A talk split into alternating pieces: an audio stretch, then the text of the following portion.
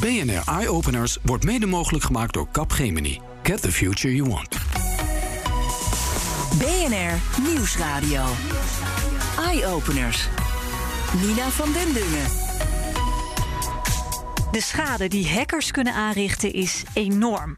Dat is bij veel bedrijven inmiddels wel doorgedrongen, nu grote cyberattacks steeds vaker in het nieuws komen.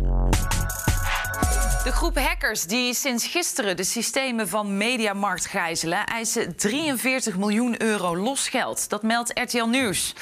Uh, we konden nergens meer bijkomen. Uh, we hadden geen prijs meer, geen voorraden meer. Uh, geen kortingen meer, dus we konden helemaal niets meer. Dat de angst er bij veel bedrijfseigenaren wel in zit, mag duidelijk zijn. Maar hoe je je medewerkers daar vervolgens van doordringt, dat blijkt in de praktijk een lastige klus. We wilden ook posters gaan maken en noem maar op. Een werknemer van de week hebben wij onder andere bij het FD even gepolst.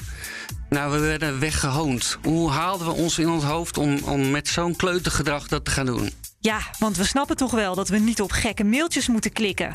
Zo moeilijk is dat toch niet? Nou, dat is het wel. Trainen van mensen is op dit moment nog, nog steeds de meest succesvolle manier om al die social engineering aanvallen, het manipuleren van mensen om er tegen te gaan. De mens blijkt de slechtste firewall te zijn. Hoe kun je dat probleem als werkgever nou het beste tackelen? Veranderen van gedrag vergt veel meer dan ja, uh, iedere maand zo'n zo mooie e-learning uh, doen. In aflevering 5 van BNR Eye Openers hebben we het over cybersecurity awareness. Ik ben Nina van den Dungen. Leuk dat je luistert.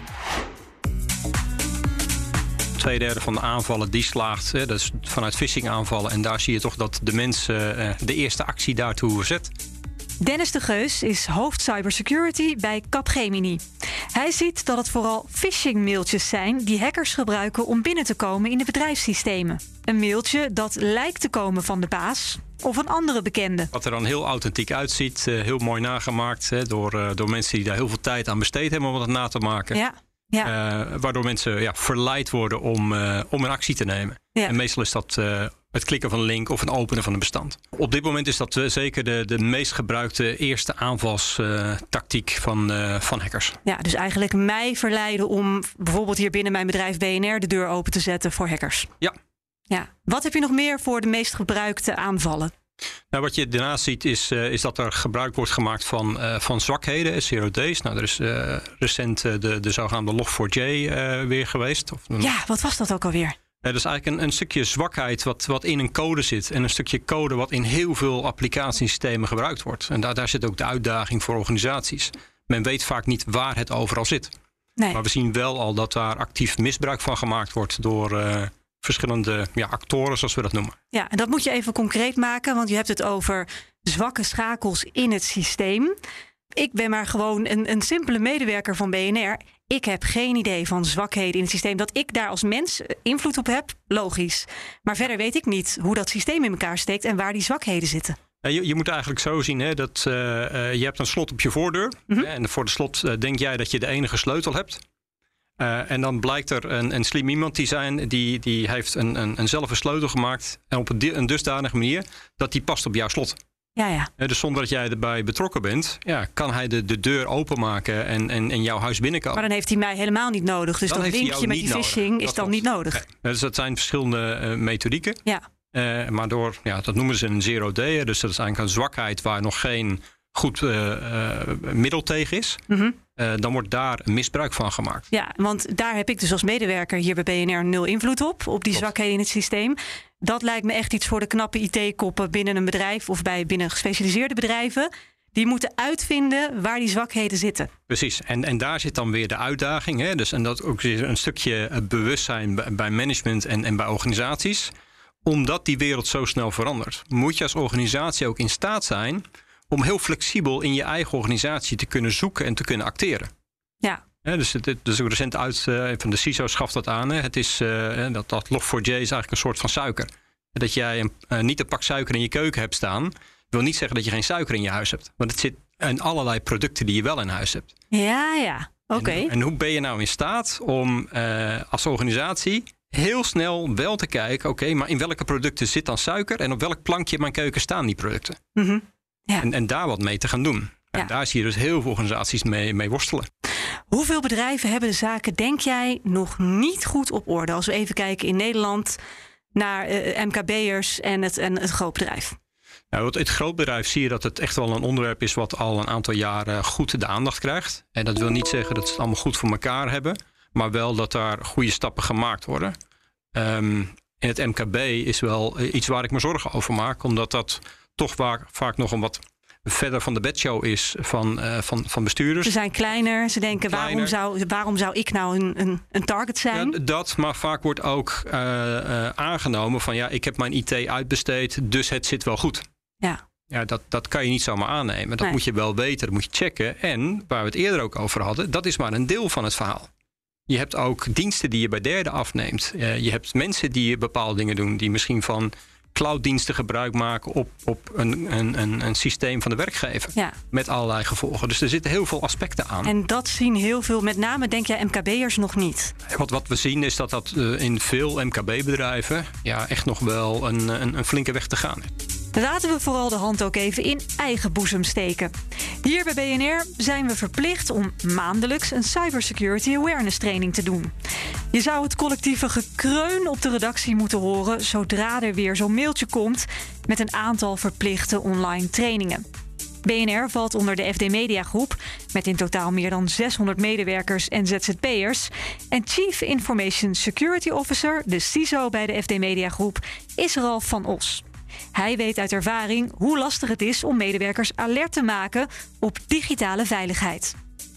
Hoe krijg je ze eraan? Ja, je moet ze overtuigen van de belangrijkheid van wat security awareness nou is, denk ik. En hoe hebben jullie dat Wat- gedaan? Wat gebeurt nou? In het begin hebben wij eh, eh, mensen ook uitgenodigd bij de FD-redactie, bijvoorbeeld eh, RTL 4, die security eh, journalist. Daniel Verlaan, die heeft hier een uur lang presentatie gegeven boven aan de hele FD-redactie en IT over eh, security awareness. Wat kan er nou gebeuren als je het niet doet? Dus, Ja, hij, hij dus je neemt mensen om. mee Ja. in een soort simulatie van dit, dit gebeurt er dan. en je drukt op een phishing mail en eh een hele FD Media-groep is eh, een onder attack van ransomware. Dan, En dat, en dat sloeg aan op de FD-redactie? Ja, want die, inderdaad, dat sloeg wel aan. Want die gingen ineens, wij kregen ineens allemaal vragen. Oké, hoe, kunnen- hoe kunnen we dat verbeteren? Nou, toen hebben we ook eh, dingen als wachtwoordmanagers ingevoerd eh, twee jaar geleden. En die worden nu ook, eh, nou, voor de helft van de redactie wordt het allemaal gebruikt. En jullie hebben ook, weet ik, phishing mails uitgestuurd om eens te kijken waar gaat het nou mis? Ja. Wie trappen daarin? Nou, dat was heel ernstig. BNR die, die scoorde heel slecht daarop, hè? Ja, even uit mijn hoofd was 35 wat uiteindelijk op een link heeft geklikt van alle, alle mensen. Dus dat is, Van BNR of van het Nee, FD Media Groep heel FD Media Groep, ja. Dat is heftig. Dus wij doen natuurlijk daarnaast nog veel meer dingen om dat technisch tegen te houden. Dus de- we hebben allerlei systemen nu van Darktrace in, in werking. Mhm. Die zorgen ervoor dat eh, als er een mail binnenkomt, dat die gewoon voor verixt wordt, dat de URL's eruit worden gestri- gestript. Oh ja, En dat je gewoon niet meer op, op dat soort links kunt klikken. nee, Dus, eh, precies. dat is nu de- bij de helft uitgerold en Ja. de andere helft komt nog. Voor de cybersecurity trainingen maakte de FD Media Groep gebruik van de diensten van KnowBe4. Een groot Amerikaans bedrijf dat cybersecurity awareness trainingen levert over de hele wereld. Jelle Wieringa is Security Awareness Advocate van KnowBe4. Eigenlijk doen we maar één ding. Wij richten ons op het menselijke element binnen cybersecurity. Ja, want de mens blijkt toch altijd maar weer de zwakste schakel. Nee, de meest kwetsbare schakel vind ik een veel mooiere term. Ja, wat is het verschil tussen zwak en kwetsbaar? Zwak is denk ik, geeft aan eh, dat alle hoop al opgegeven is vanaf het begin. En dat is absoluut niet zo bij de mens. Kwetsbaar wil zeggen dat ja, als je niks traint, als je mensen niet bewust maakt van alles wat er fout kan gaan in deze wereld. Alles wat er eh, gevaarlijk is aan het gebruik van internet. Maar ook alles wat er goed is aan het gebruik van internet. Ja, dan zijn ze inderdaad het meest kwetsbaar. Maar daar kun je heel duidelijk wat aan doen. Dus ik hou meer van meest kwetsbaar. Ja, Iets, iets minder negatief. ja oké, eens. De vraag is, awareness trainingen, je wil de, de mens minder kwetsbaar maken. Is dat inderdaad ook exact het effect wat je bereikt met, met e-learnings? Ja. Trainen van mensen is op dit moment nog, nog steeds de meest succesvolle manier om uh, al die social engineering aanvallen, het manipuleren van mensen om er tegen te gaan. Uh, er is geen technologie die dat beter kan. Nee. En, en hoe ziet zo'n eh, pakket aan, aan trainingen eruit? Voor bijvoorbeeld een, een gemiddeld BNR-medewerker. Die krijgt elke maand een mailtje. Je moet een aantal trainingen afronden. Meestal zijn het er een stuk of vier. Kost je ongeveer een half uur van je tijd. Eh, als je het in één keer haalt. Als je pech hebt, dan moet je, als je het niet haalt, moet je hem namelijk opnieuw doen. Is dat het enige onderdeel? Of komt er meer bij kijken om, om die awareness bij het personeel te vergroten? Ja, er komt meer bij kijken. De manier waarop hier dan bij BNR getraind wordt, is vrij traditioneel als ik het zo hoor. Er is eigenlijk in onze branche is er in de afgelopen paar jaar enorm veel gebeurd. Naast het feit dat bedrijven steeds beter zijn gaan inzien dat je security awareness training proactief nodig hebt om je organisatie te beveiligen, om het risico te verlagen, zie je ook dat de manier waarop we trainen veel individualistischer kan. Je kunt de hele, de hele organisatie als één grote groep zien. Iedereen op dezelfde manier trainen met dezelfde video's, dezelfde trainingen, dezelfde examentjes. Ja, dat werkt gewoon niet. Oh. Heel simpel feit, is niet leuk. Een van de dingen die je vooral moet doen als organisatie is een cultuur creëren waarin security eigenlijk een, een belangrijk goed is. Waarin security gezien wordt als iets wat we samen doen en waarvoor we samen strijden. En dat is denk ik een van die punten waar je in een organisatie wel vrij veel uh, dingen mis ziet gaan. als jij al aangeeft, ja, ik moet weer zo'n training doen. Kost me een half uur en ik moet een examen doen. En als ik het niet ga, moet ik het nog een keer doen. Dat klinkt vrij negatief. Dat klinkt... Sterker nog, er staan straffen bij ons op. Als je het niet op tijd doet, dan um, word je, word je uitgesloten van het systeem. Je kan het systeem niet meer in. Dat, dat is een uh, zero tolerance beleid, wat ja. Uh, nou ja, uh, een keuze is. Ik zelf ben iets meer van het beloningsstructuur. De beste trucs die ik ken is geef mensen nou eens een reep chocola als ze het goed doen. Het klinkt heel plat en heel stom, maar iedereen vindt chocola lekker. Je kunt die chocola heel makkelijk personaliseren. Je kunt tegenwoordig repen bestellen met bedankt voor je hulp of weet ik veel wat. De beloningsstructuur waarbij je zegt, nou jongens, weet je, wij trainen jullie. En om jullie te trainen moeten we eerst laten zien waarom we trainen. Want als jullie niet begrijpen als medewerkers waarom je getraind wordt, ja, waarom zou je dat motiveert niet? Waarom maar zou je dan... ik, ik weet natuurlijk donders goed waarom ik getraind word. Uh, namelijk om te zorgen dat wij hier niet volledig vastlopen, ransomware, dat we moeten dokken zometeen. Ik, ik ben natuurlijk niet helemaal uh, van gisteren. Nou, dat is mooi. Dan hebben we dat punt nee, al bedoel, gehad. Eh, hoe vind jij dat je dat een medewerker dan nog duidelijker moet maken? Want ik, ja, ik snap waarom het moet. Is het leuk? Nee, het is een, een moetje. En dat laatste, daar zit het hem in. Goed dat je het al weet, goed dat je het al begrijpt. Maar dat moet je, dat hoeft niet zo te zijn. En ik denk dat dat heel erg voortkomt uit de manier van trainen.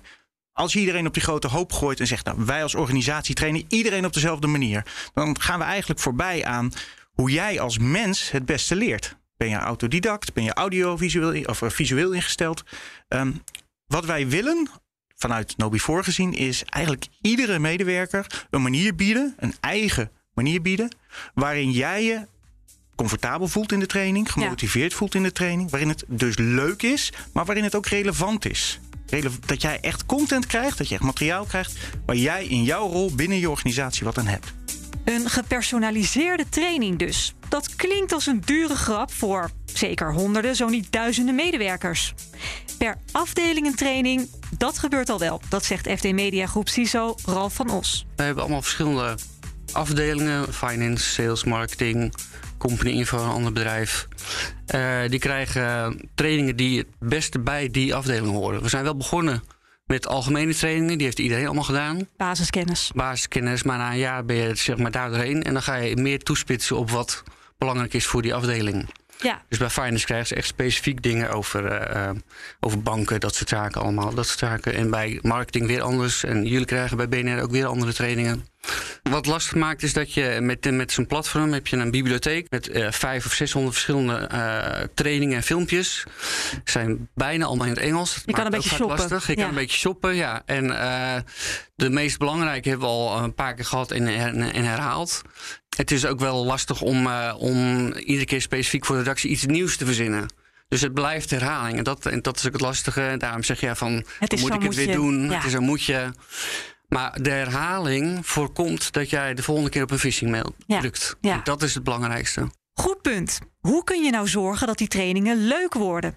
Zeker aangezien er maand op maand ook behoorlijk wat herhaling in zit. De beste manier is om te testen wat jouw niveau is. En dat kun je eigenlijk doen door gesimuleerde phishing aanvallen uit te voeren binnen je organisatie van verschillende niveaus. Je hebt simpele phishing aanvallen met simpele phishing e-mailtjes tot hele complexe waarbij we voice phishing, uh, voice berichtjes bijvoorbeeld, combineren met e-mailtjes.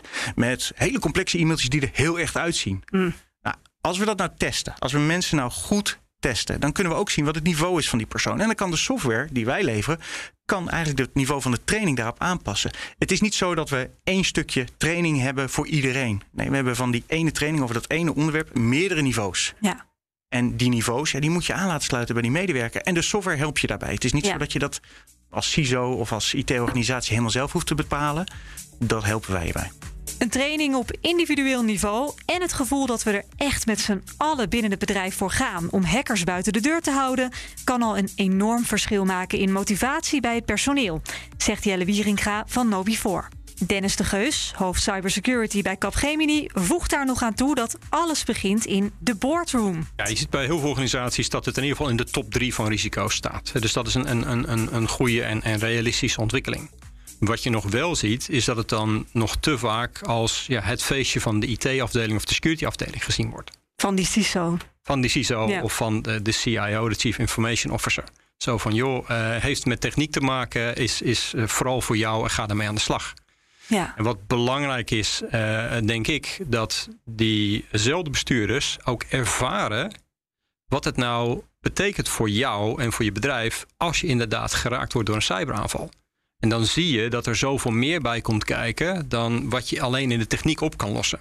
Waarom is het zo belangrijk dat de CEO even goed weet wat er speelt als de CIO? Want uiteindelijk heb je allemaal binnen zo'n board een bepaalde rol.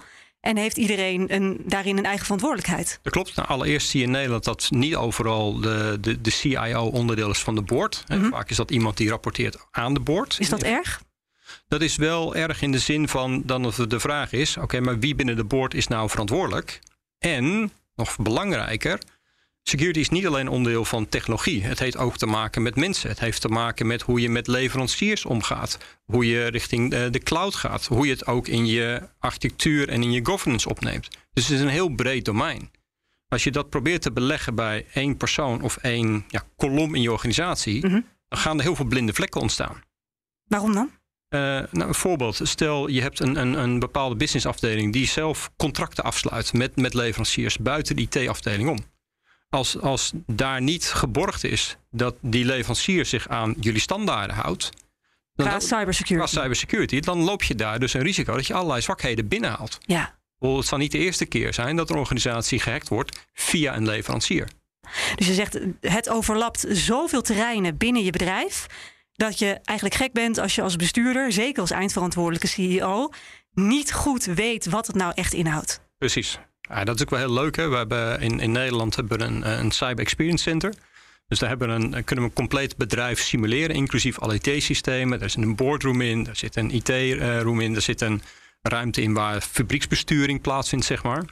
Om ze te laten ervaren, wat gebeurt er nou met jou en je organisatie als je aangevallen wordt? Ja. Maar het is heel interessant om op zo'n hele groep bestuurders dan eh, die enthousiast binnen zien komen en, en, en, en zwetend op een gegeven moment de zaal zien te verlaten. Het is een soort escape room, maar Het dan... is een soort, ja, het is Ja. een soort complexe escape room, maar heel realistisch. Hè? Ook met een stuk media exposure, want ja, daar moet je ook mee om la- leren gaan. En wat zeg je nou tegen de, de, de pers? Tegen BNR als ze langskomen. Precies, Ja. de, de Ja. gele microfoon onder je neus krijgt van eh, we hebben begrepen dat uw bedrijf gehackt is. eh, en, en wat betekent dat? En wat gaat, gaat u betalen, die 5 miljoen die ze vragen Als in het maar 5 bitcoin? miljoen is, hè? laatst bij Mediamarkt was het 50 miljoen.